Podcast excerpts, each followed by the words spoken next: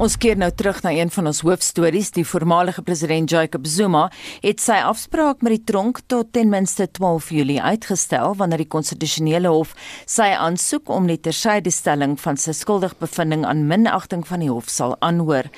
Ons praat nou vanoggend hier oor met die menseregte prokureur Richard Spoor. Richard, goeiemôre. Goeiemôre. Wat is jou mening oor Zuma se jongste hofaksie, die aansoek wat hy gebring het by die konstitusionele hof? Is dit geoorloof? Wel, dis duidelik dat nou dat hy besef wat is die gevolge van sy minagting van die hof en sy versuim om vertoë aan die hof terug voor hulle vonnis uitgereik het, dat hy nou skielik ehm um, besef dis dis ernstig en is moeilik. En nou kom hy tevore met 'n hele klompie ehm um, ehm um, redes hoekom hy nie teenwoordig was en ook faktore hoekom hy nie so 'n swaar straf opgelê moes word nie. Hy noem byvoorbeeld hoe oud is hy, sy gesondheidsomstandighede, die COVID situasie en dan verduidelik hy ook ehm um, hoekom hy versuim het. Hy sê hy het nie geld gehad nie, hy het nie goeie regsraad ontvang nie. Ehm um, daar is 'n misverstand. Nou As hy in die eerste instansie daai faktore voorgelê het, dan is dit amper seker dat die hof 'n ligter straf opgelê sou word of miskien selfs huisarrest of iets van daai aard. Maar nou vind ons onsself in 'n situasie waar 'n sware straf opgelê is en nou moet die hof oorweeg, gaan hulle sy verskonings en sy uh al hierdie faktore wat hy nou voorlê in ag gaan neem en hulle en hulle besluit wysig of gaan hulle staan by wat hulle gedoen het. Nou dis 'n moeilike kwessie vir die uh, hof want dis duidelik dis 'n baie swaar straf. Dis duidelik hy's 79 jaar oud. Ehm um, dis duidelik dat sy gesondheid nie so reg is nie. So as die hof nou sou weier om die uh, vonnis te te wysig, sy bevel te wysig. Ehm um, dan lyk dit vir meneer Zuma en sy se vernoot se vernote en ehm um, ondersteuners dat dit baie onjuis is en hy byt daai gevoel van onjuistheid en die indruk dat hy onjuis ehm um, behandel word. Hy byt dit uit. En so dis vir die hof as die hof nou toegee dan gaan dit lyk asof die hof swak is. Ek wil juist vir jou so, vra daaroor. baie moeilik. Hy een van die dinge wat hy ook gesê het blykbaar ons het laasweek op die SAK berig daaroor dat hy um, hy die sondekommissie verlaat want hy moes medikasie gaan neem of iets soos dit. Uh, hy het hy het wel gister ook gepraat daarby en kan dat sê hy uh, hy is uh, hy is skuldig bevind sonder 'n verhoor. Hy sê hy was nie daar gewees nie. Uh, ja. wat maak jy van daai argument? Ja wel weet jy daar is 'n uh, verskil binne in die grondwetlike hof. Daar is 'n minderheidsuitspraak wat dit juis opnoem. Hulle sê jy kan 'n persoon nie na 'n straf, ehm um, jy kan 'n persoon nie straf nie sonder 'n straf verhoor. En dit daai beginsel word wel in die grondwet vasgelê in artikel 12.1. Hmm. Dit sê jy kan nie aangehou word sonder 'n verhoor. Ehm um, so dit is 'n punt die die hof die meerderheid het egter daarmee gehandel en het gesê wel in hierdie omstandighede is dit nie van toepassing nie. Richard, um, Ons skies ons moet by baie vrae uitkom. Ek wil na iets toe gaan wat jy getweet het. Wat vir my interessant was, jy het getweet Zuma deserves a pardon. He's 78, poorly advised, mainly by people who sought only to exploit him for his own ends. Mm. Ja. Wel, miskien is dit die beste uitweg van alles. Gaan tronk toe, aanvaar dit verdraai jouself, ehm um, moet nou nie die uh, geregspleging ondermyn nie. Gaan tronk toe en dan is ek seker sal die president wel ehm um, 'n pardon oorweeg. Ehm um, hy is oud, hy is 'n voormalige president. Uh president Nixon is gepardon deur uh, sy opvolger en ek is seker hy het 'n goeie kans vir 'n pardon. Uh dis nie in ek glo nie dis in landsbelang dat hy uh ehm um, jarelang tronkstraf opgelê word vir die arms deal en dan ook hierdie uh minagting van die hof. Ek sou hom aangeraai het om saam te werk en om uh aansoek te doen vir so 'n pardon van die president. Jy sê um, hy is poorly advised. Nou gister op daardie verhoog het Dali Mpofu langs hom gestaan en dit is sy regsverteenwoordiger ja. gewees daar. Uh mens neem aan hierdie jongste aansoek nou kom van Dali Mpofu af. Ja, seker. Dis nie dis weet jy dis 'n redelike goeie aansoek. Ehm um, dis goed goed gewerk, maar uh, voorheen was dit advokaat Musi Sikekani hmm. wat hom geadviseer het en bygestaan het toe hy uitgeloop het by die uh, Zondo-kommissie. Ehm um, en ook vele van sy aansoeke. Ek bedoel, hy het oor die jare minstens 10, 15 hofaansoeke gebring. Hy het elkeen verloor. Nou dit is nie die produk van goeie regsadvies nie om elke keer te verloor. So ehm um, ja, dis duidelik dat die advies wat hy gekry het oor die jare maar swak is. Um, maar dit het sy En maar maak net gou klaar daar Richard. Dis duidelik dat dit swak was. Ja, dis duidelik dat hy baie swak bygestaan word deur die regsmense wat hom dien. Baie dankie en so sê die menseregte prokureur Richard Spoor. Nou ons bly by hierdie hoofstorie van die oggend en ons praat vol, vanoggend verder oor oor Jacob Zuma wat sy afspraak met die tronk tot ten minste die 12de Julie uitgestel het, so vir 'n week. En dis dan wanneer die konstitusionele hof moet beslis of sy skuldigbevindings aan minagting tersyde gestel moet word oor hierdie uitspraak wat teen hom gelewer is en al die koste wat ook op sy skouers is wat hy moet dra. Nou vir alle ontleding van uh, die naweek se gebeure praat ons nou met JP Landman. Goeiemôre JP lyk my ons het nou albei ons leerders verloor. Ons wag nou net om hulle op die lyn te kry. Vir luisteraars uh, wat die nuus gemis het, ons het nou in ons hooftrekke verwys na die feit uh, dat voormalige president Jacob Zuma probeer sy vonnis tot tronkstraf met nog 'n regsaksie verydel. Jy het ook nou gehoor wat Richard Spoor sê. Interessant wat hy daar gesê het, hmm. Gustaf, dat hy behoort begenadig te word want hy het swak regsadvies gekry en is baie oud. Deur al die jare die swak regsadvies van van die mense wat bereid bereid was waarskynlik om hom by te staan en uh, veral dan nou in daai stadium toe hy daar by die Zondo kommissie daai dag net opgestaan het en geloop het. Hy het nou nou onlou die naweek gesê dit was vir medikasie wat hy moes neem. En uh, so maar ons gaan vanoggend hieroor gesels. Uh, JP Landman, ons hoor jy is daar. JP, goeiemôre. Hallo Gustaf, goeiemôre. Ons is baie dankbaar jy is nou ons wag nou om vir professor Antoni van Nieuwkerk van Wits Universiteit te kry. JP intussen na jou toe. Ons het nou in die hooftrekke gesê die voormalige president probeer sy vonnis tot tronkstraf met nog 'n regsaksie verydel. Wat gaan die regsbank doen? Gaan hy die toets slaag op 12 Julie of moet ons vertroue verloor in daardie been van ons demokrasie? Wel ek dink ons moet nie nou aan daai konklusies te spring nie. Uh kom ons gee die hof kans om uitspraak te gee en te sê wat hulle dink.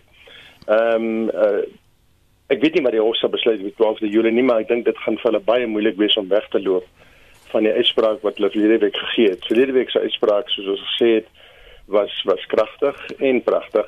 Uh en jy kan nie sommer daarvan wegloop nie. Ek dink trouens daar is 'n kans en ek spekuleer bloot Anita.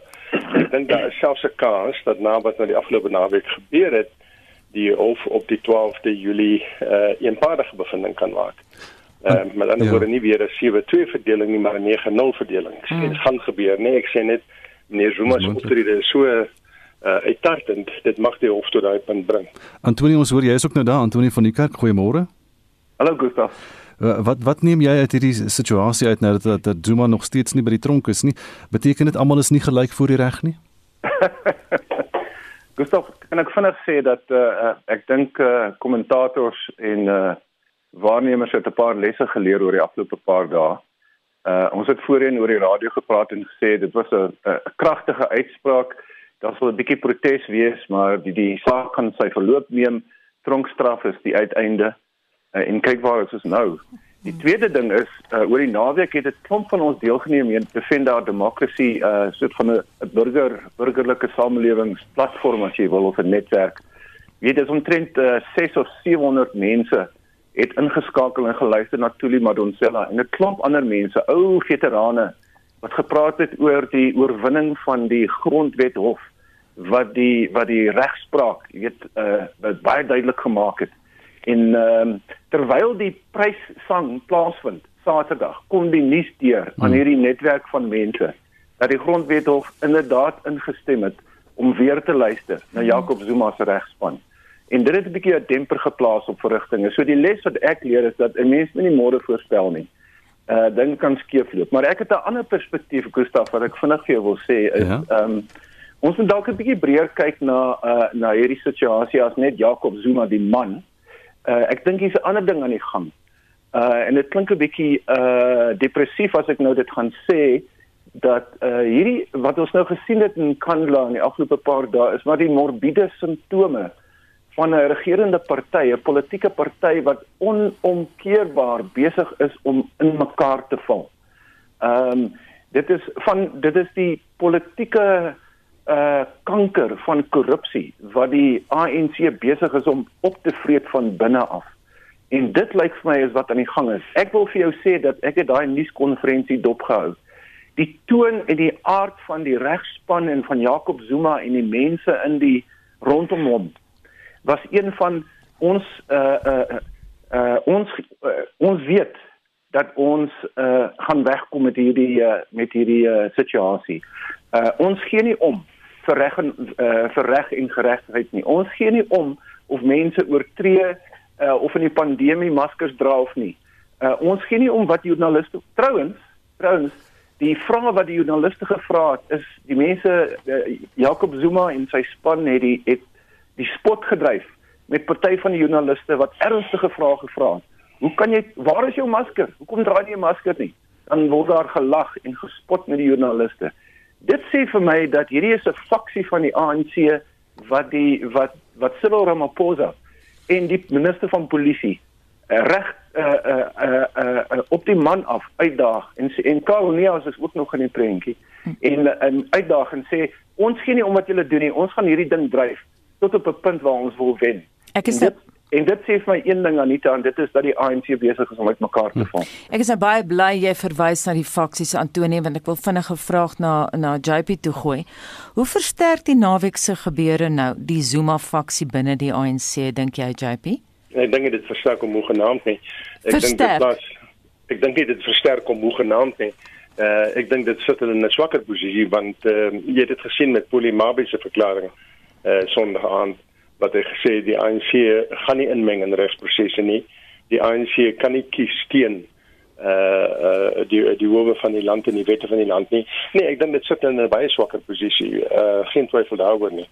Ehm um, ek dink ons moet ons oog op die bal hou hier. Uh dit gaan oor een bepaalde saak. Gaan die grondwet of sy eie uitspraak omkeer of nie? Kyk, laat ons net kom ons kyk net dan die verloop. Lede week het die hof vir ons twee tree vorentoe gegee met sy uitspraak.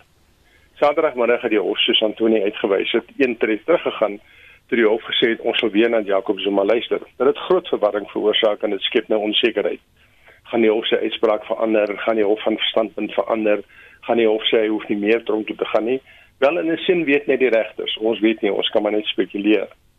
Maar dit is waaroor dit gaan. Gaan die hof van standpunt verander of nie? Wat dit mm. soos moet sien, ek ek mm. dink nie dit uh, kan gebeur nie. As dit gebeur, sal dit 'n regte sleg dag wees vir die Suid-Afrikaanse konstitusionele demokrasie.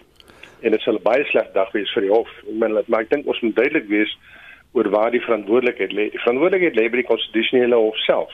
As hulle Saterdag maar gesê het, jy weet wat, ons sal graag na Jacob Zuma luister op die 12de Julie, maar intussen staan ons bevele. Hy moet homself aanmeld vir tronkstraf en as hy homself nie aanmeld nie, moet hy in hegtenis geneem word. As hy net daai sinnetjie bygesit het, dan het ons nie die verwarring en die onsekerheid gehad wat ons vanoggend het nie. Ek eh, ek weet nie hoekom die regters dit gedoen het nie. Ek vermoed en en nou sê ek nou sê ek soort van uh, positief teenoor hulle. Ek vermoed hulle wil agteroor leun om te wys dat hulle meneer Zuma ter wille is prosesgewyse. Nie noodwendig ter wille is op substansie nie, maar dat hulle om prosesgewyse ter wille is. Ek dink dit is seker wat hulle berekening was maar die pryse wat daarvoor betaal word is onsekerheid wat vanoggend uh, oor die land hang. Uh en en ek dink die die sentrale vraag is maar net uh, gaan die hof se bevinding verander of nie? En as hy nie sy bevinding verander nie, sal meneer Zuma dan gearresteer word. En ek dink die antwoord daarop is ja, hy sal. Uh as die hof sou sê hulle bly by hulle by hulle uh. Antonie, kom ek vra vir jou nou want want JP sê nou daar die Zuma faksie is nie versterk nie. Wat dan van die ander faksie, die faksie wat die mag het, die Cyril Ramaphosa faksie in die ANC? Hy het nou nie die beheer oor die oor wat die regter sê nie, maar hy het wel beheer oor die polisie en oor die uitvoering van die arrestasie en so aan. Die polisie het die naweek glad nie die die die samekoms van die derduisende mense beheer met die wat nie maskers dra en so aan nie teen die COVID regulasies. Hier's 'n berig vanoggend in Business Day wat sê die polisie word geadviseer, waarskynlik die regsadviseurs, hulle moet voortgaan met die arrestasie want hulle is direk opdrag gegee daarvoor. Ja. Die die die die faksie waarvan ons nou praat, wat hierdie naweek die die hooflyne die berigte gekry het, is is so versterk in hierdie proses dat dit die ANC laat soos 'n soos 'n haas in die kollig verlam en onseker en en nie daartoe in staat om die regte besluite te neem nie. Ehm um, uh 'n kollega van ons, uh Mavuso Msimang, hmm. het uh, gisterand gesê, ANC veteraan, is dit 'n nasionale krisis? Hy sê nee nee nee, dis 'n dis nie 'n nasionale krisis nie, die land is nou nie verlam nie. En ek stem met hom saam, dis 'n ANC krisis, dis 'n regerende party krisis. Die een faksie waarvan ons nou praat, daag die regering van die dag, Cyril Ramaphosa en sy manne en vroue in die kabinet direk uit. Uh hy het die NEC ontplooi om kalmte te bring in KwaZulu-Natal. Vra jouself af of dit gewerk het. Skote klap, mense dra nie maskers nie. Uh Karel Neels lei 'n faksie van 'n uh, soort van 'n bende in kamoufleerdrag en so aan. Dis my baie duidelik dat uh dat die handskoene afgehaal is hmm. en dat die uitdaging nou deur hierdie ouens gerig word aan aan Cyril Ramaphosa. Die man moet praat. Uh trouens, dis nie Jacob Zuma wat die nasie moet toespreek nie. Dit is die president van die ANC moet sy eie party lei en dit gebeur nie op die oomblik nie. So dit is vir my dit is vir my 'n dramatiese oomblik in ons geskiedenis, in ons politieke geskiedenis. Ek wil net daar verskil van Antonie. Ja, JP. Ek ek dink dit sal 'n absolute katastrofale fout wees vir die president om nou of uh, om nou die land toe te spreek oor hierdie saak. Daar's 'n regsproses. Die regsproses moet voltrek word. Hmm. Die regsproses is uitgestipel deur die konstitusionele hof.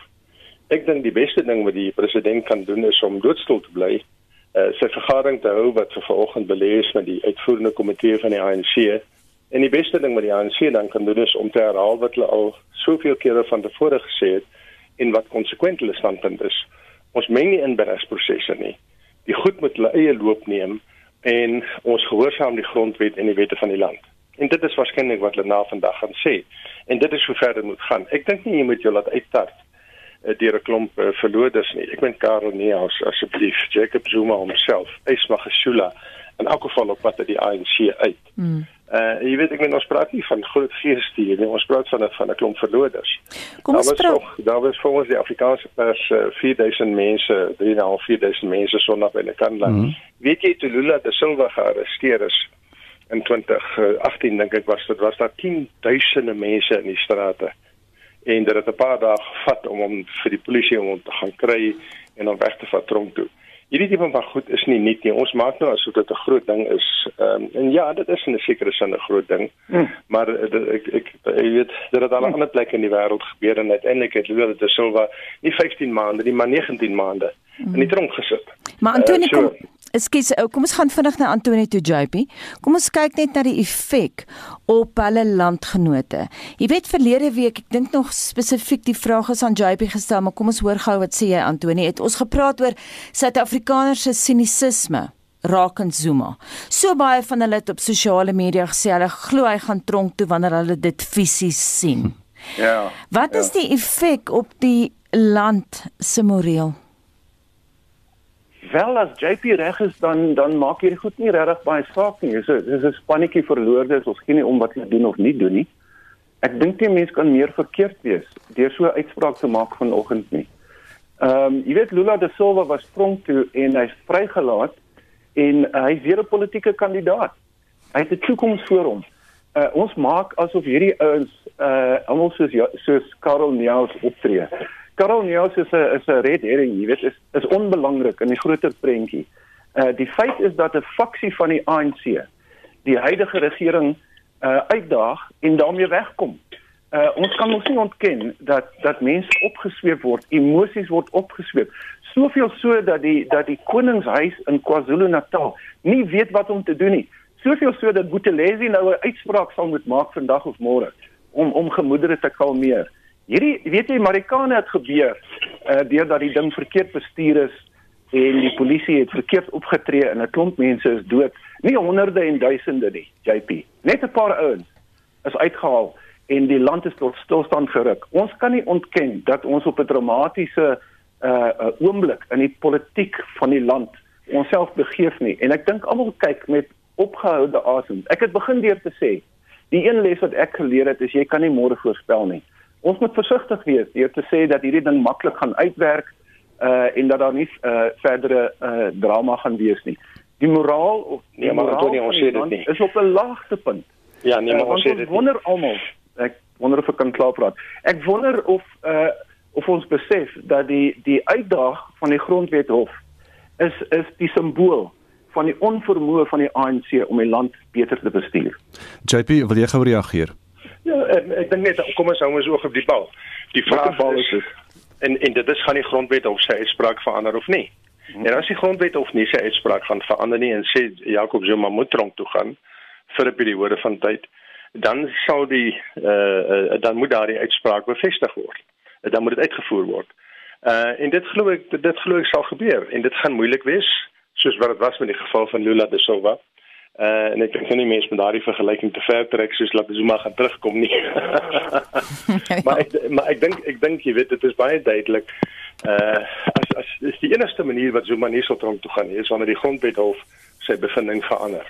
Nou ons sal daai storie baie beslis stop. Ons sal daar met hultroep. Ons moet gaan na die nuushooftrekke toe. Ons het ver oggend gepraat met die ontleeders JP Landman en professor Antoni van Nieuwkerk van Wits Universiteit se skool vir regeringskunde. Hendrik, jy lyk baie besig. Inderdaad Anita, want daar word gepraat oor plastiek en plastieksakke veral is die fokus van die terugvoer van luisteraars by wie ons wil weet watse alternatiewe stel hulle voor vir die gebruik van plastiek. Dit sê net dat dit nou hierdie maand internasionale bewusmakingsmaand teen die gebruik van plastiek is. Uit uit Jeffrey's Bay skryf Lea vir die jare gelede het ek in België gekuier. Jy het ekobelasting betaal op alles wat in plastiek is. Jy het liewer glashouers gekoop want dit is herwinbaar. Toe al was daar geen plastieksakke beskikbaar nie. Ons kan dit sekerlik hier ook doen.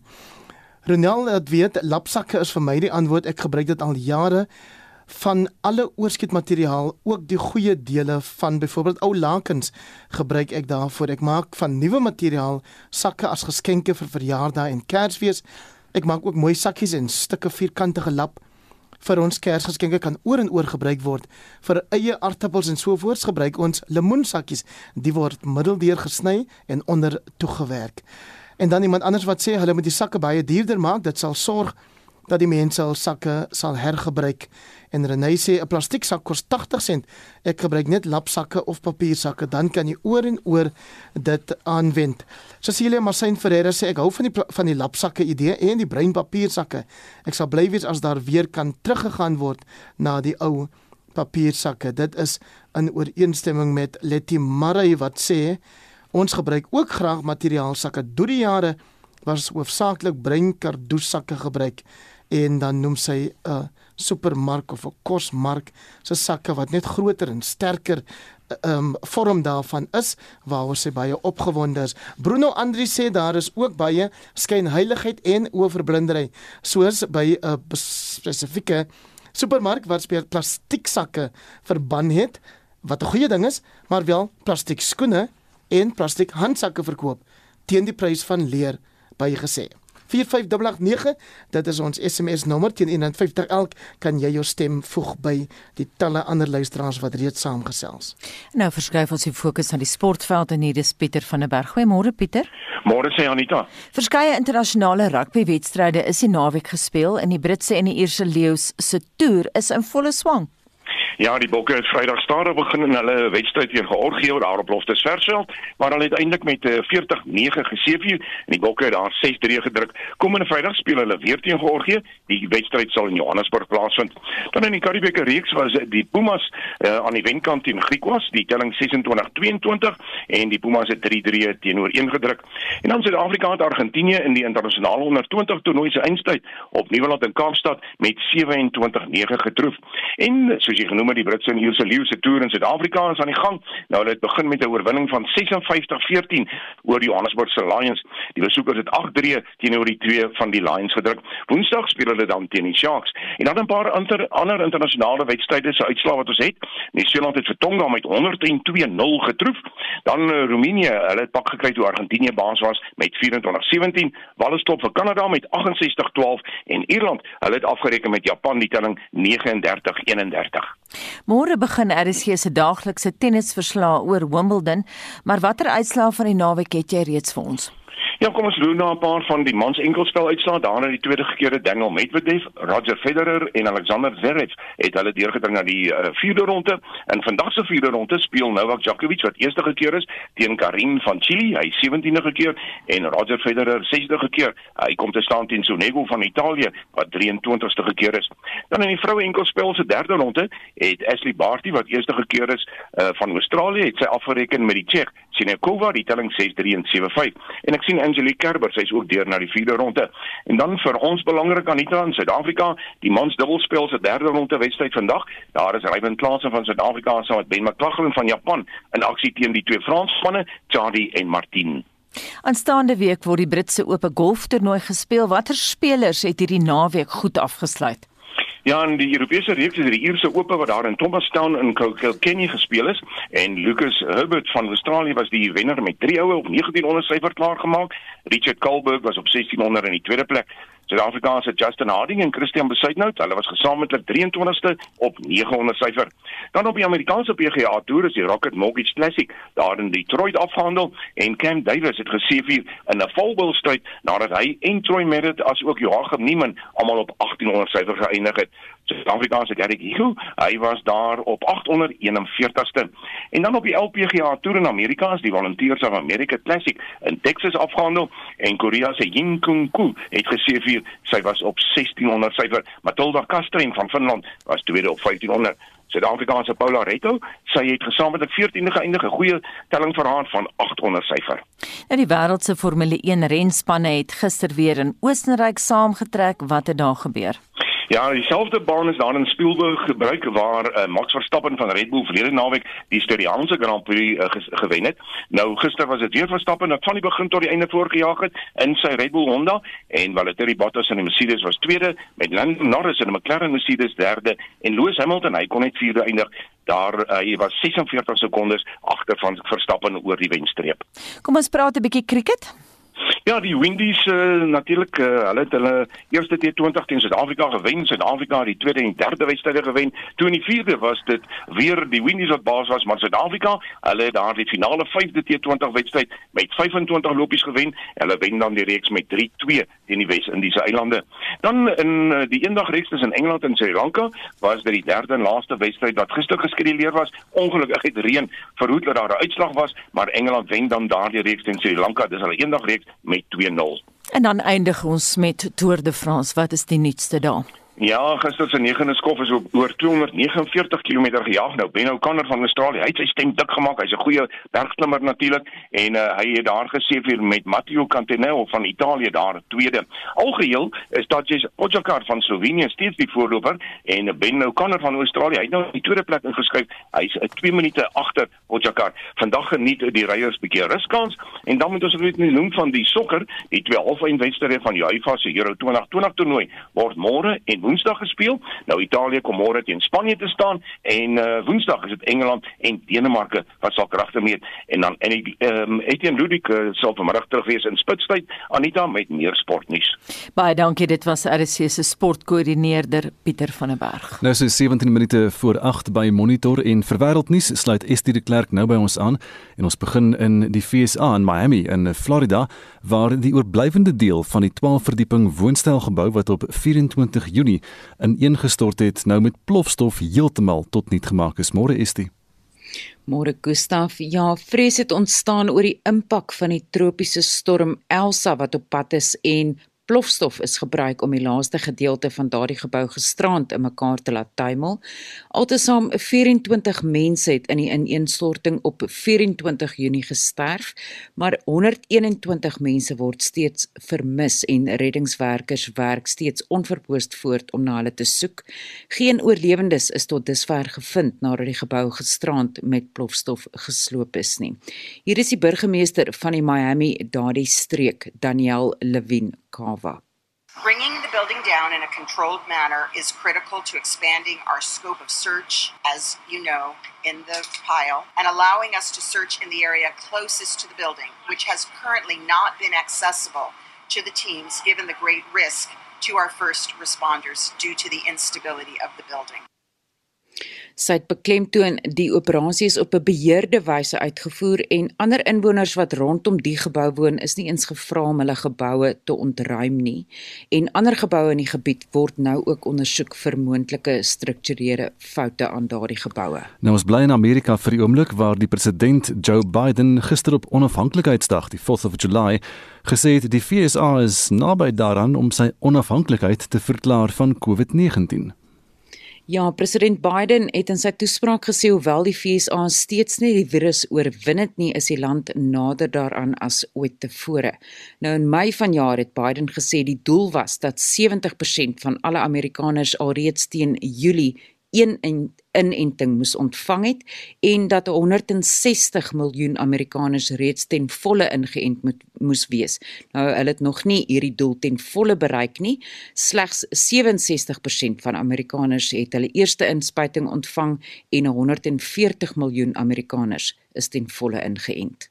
We are emerging from the darkness of years, a year pandemic and isolation, year pain fear and heartbreaking loss and think about how far we've come. But the best defense against these variants is to get vaccinated. My fellow Americans, it's the most patriotic thing you can do. en dit was die Amerikaanse president Joe Biden.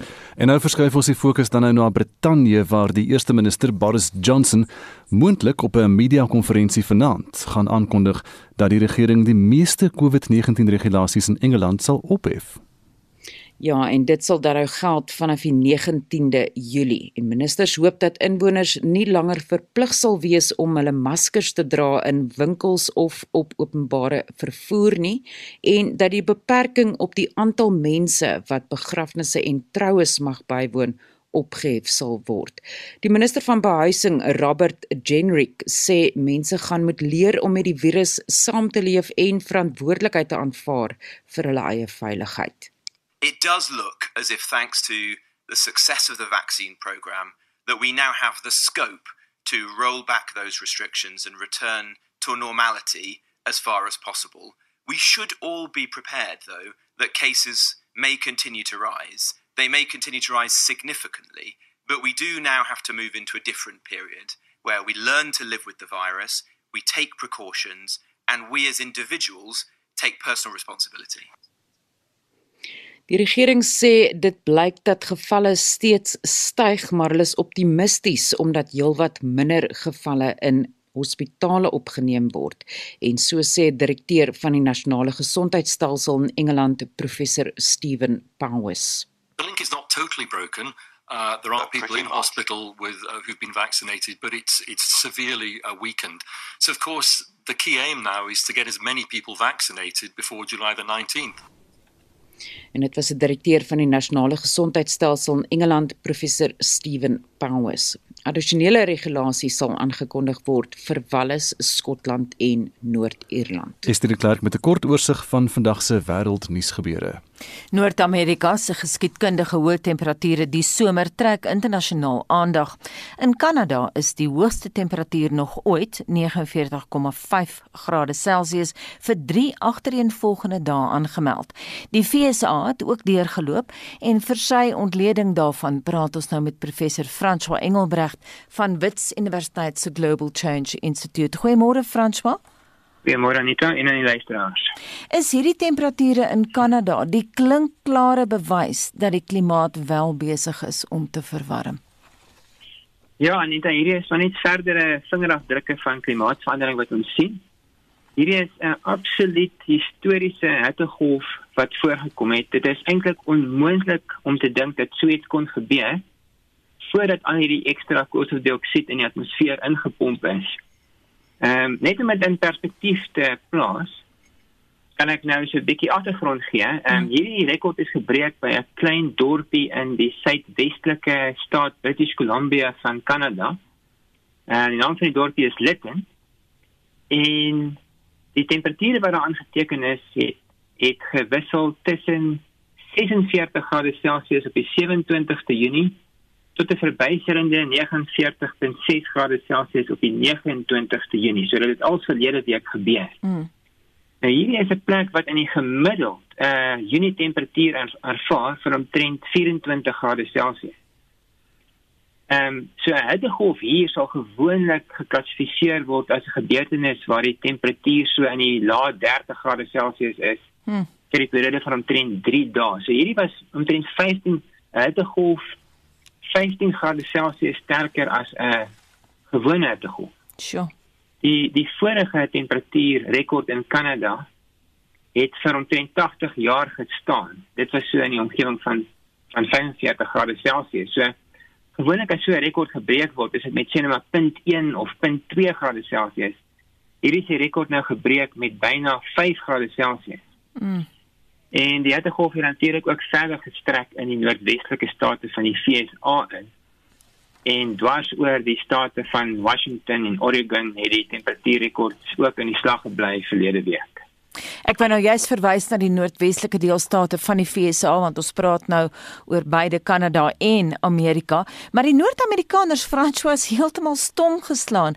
Is hierdie die begin van 'n nuwe patroon van somertemperature vir hulle? Dit is nou al waarskynlikheid ongelukkig die geval in die want klimaatverspannings suggereer natuurlik nou al dekades lank dat hittegolwe al hoe meer gereeld gaan voorkom en al hoe meer intens gaan gaan gaan wees soos wat die globale gemiddelde temperatuur toeneem. Is eintlik nou glad nie moeilik om te dink dat soos wat die aarde al hoe warmer word, gaan ons ook al hoe meer ekstreme temperatuurgebeurtenisse kry nie. Nou die die skokkende statistiek wat ons verkry van klimaatmodelle sê dat as ons sou voortgaan om fossielbrandstowwe te verbrand teen die huidige tempo van verbranding, dan kan ons hierdie tipe hittegolf verwag in die noordwestelike gedeeltes van die VSA en die suidwestelike gedeeltes van Kanada in die gemiddeld een keer elke 1 of 2 jaar. Hmm. So wat nou nog steeds absoluut uitsonderlik wees, so uitsonderlik is, kan teen die einde van die eeu die norm wees. Wat kan ons hier in Suid-Afrika verwag, François? Wel, ons is natuurlik 'n baie warm en droë land in die gemiddeld alreeds. Ons weet almal hoe gereeld die land getuister word deur groot droogtes. En ons weet natuurlik ook dat wanneer ons ons droogte toestande ervaar, dan kry ons dikwels in die somer ook lang en uitgerekte hittegolwe. Hierdie hittegolwe affekteer omtrent altyd ons mielieoes nadelig. En in die seisoen van 2015-16 het ons ook gesien wat sulke hittegolwe kan doen aan ons aan ons vleisbeesbedryf. So in die groot hittegolwe van 2015 en 16 het, het Botswana omtrent 20% van hul beeste verloor in 2015 en toe nog 'n verdere 20% in 2016. Nou ons is ongelukkig geen uitsondering nie. Soos wat die aarde al hoe warmer word, is die verwagting ook dat ons al hoe meer gereeld droë somers gaan ervaar in suidelike Afrika gepaard gaande met hierdie lang en uitgerekte hittegolwe en dan ook gepaard gaande met met natuurlik uh, besonder lae reënval en, en ongelukkig is die tekens hiervan ook al reeds te sien in die statistiek van Suid-Afrika se weerstasie Baie dankie en so sê professor François Engelbrecht van Wits Universiteit se Global Change Institute. 7 minute voor 8 nou soos ons vroeër genoem het is plastiekvrye Julie 'n internasionale veldtog wat bewustheid rondom plastiekbesoedeling probeer kweek. Die doel is om die mense afhanklikheid van plastiek te verminder en alternatiewe voor te stel. Dis veral seeskilpaaie wat deur mikroplastiekbesoedeling in die see bedreig word. Die woordvoerder van die Twee Oseane Aquarium, Renay Leuner, glo die bewustheid wat deur so 'n internasionale veldtog geskep word, kan help. Vir die laaste paar jaar is by die Two Oceans Aquarium met ons rehabilitasiesentrum vir seeskilpaaie wat op die Weskaapse strande strand. In die laaste paar jaar sien ons al hoe meer en meer plastiek binne hierdie gestrande skilpaadjies. En ons praat van klein skilpaadjies hulle weeg so tussen 20 en 50 gram wanneer hulle by ons aankom. En ons het al 60 van hulle ingekry hierdie jaar en 71% van hulle het plastiek in hulle gehad. Meeste van hulle het dan gelukkig gemaak en ons kon hulle help om die plastiek in hulle te ontlas en uit hulle liggame uit te kry. Jy weet nie wat binne in die skilpaadjie aangaan nie En omdat dit groot stukke plastiek is wat in kleiner stukkies opbreek, is daai mikroplastiek gewoonlik baie skerp.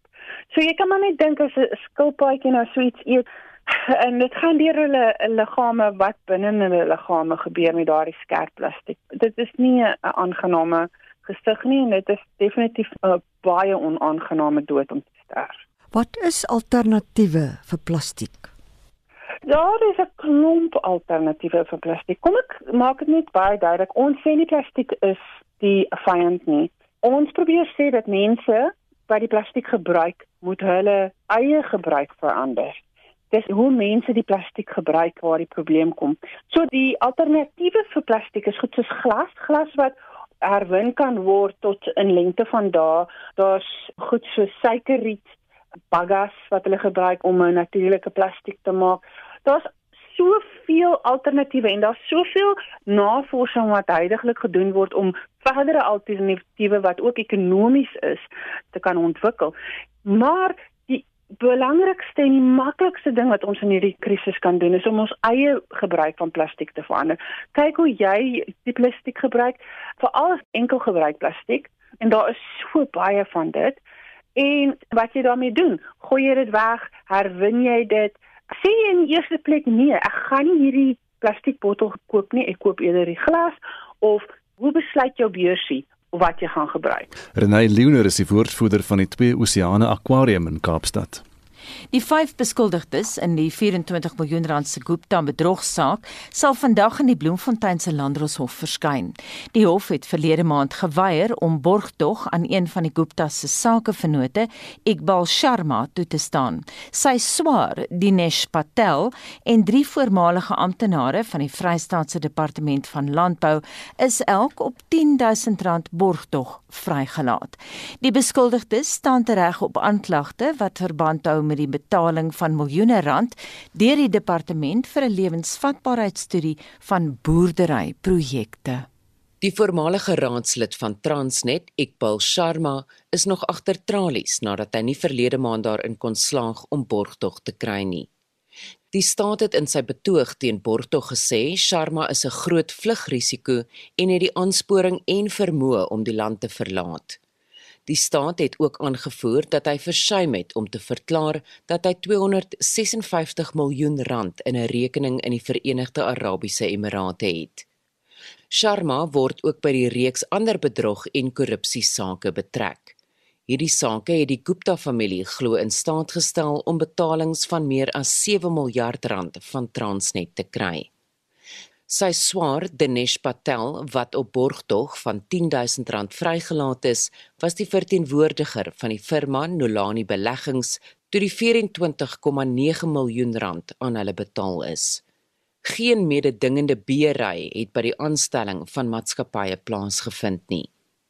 Die drie ander beskuldigdes is die voormalige hoof van die Vrystaatse Departement van Landbou, Pieter Tabete, die voormalige hoof van plattelandse ontwikkeling, Dr Limakatsi Morusi en die finansiële hoof van landbou, Sypati Dlamini.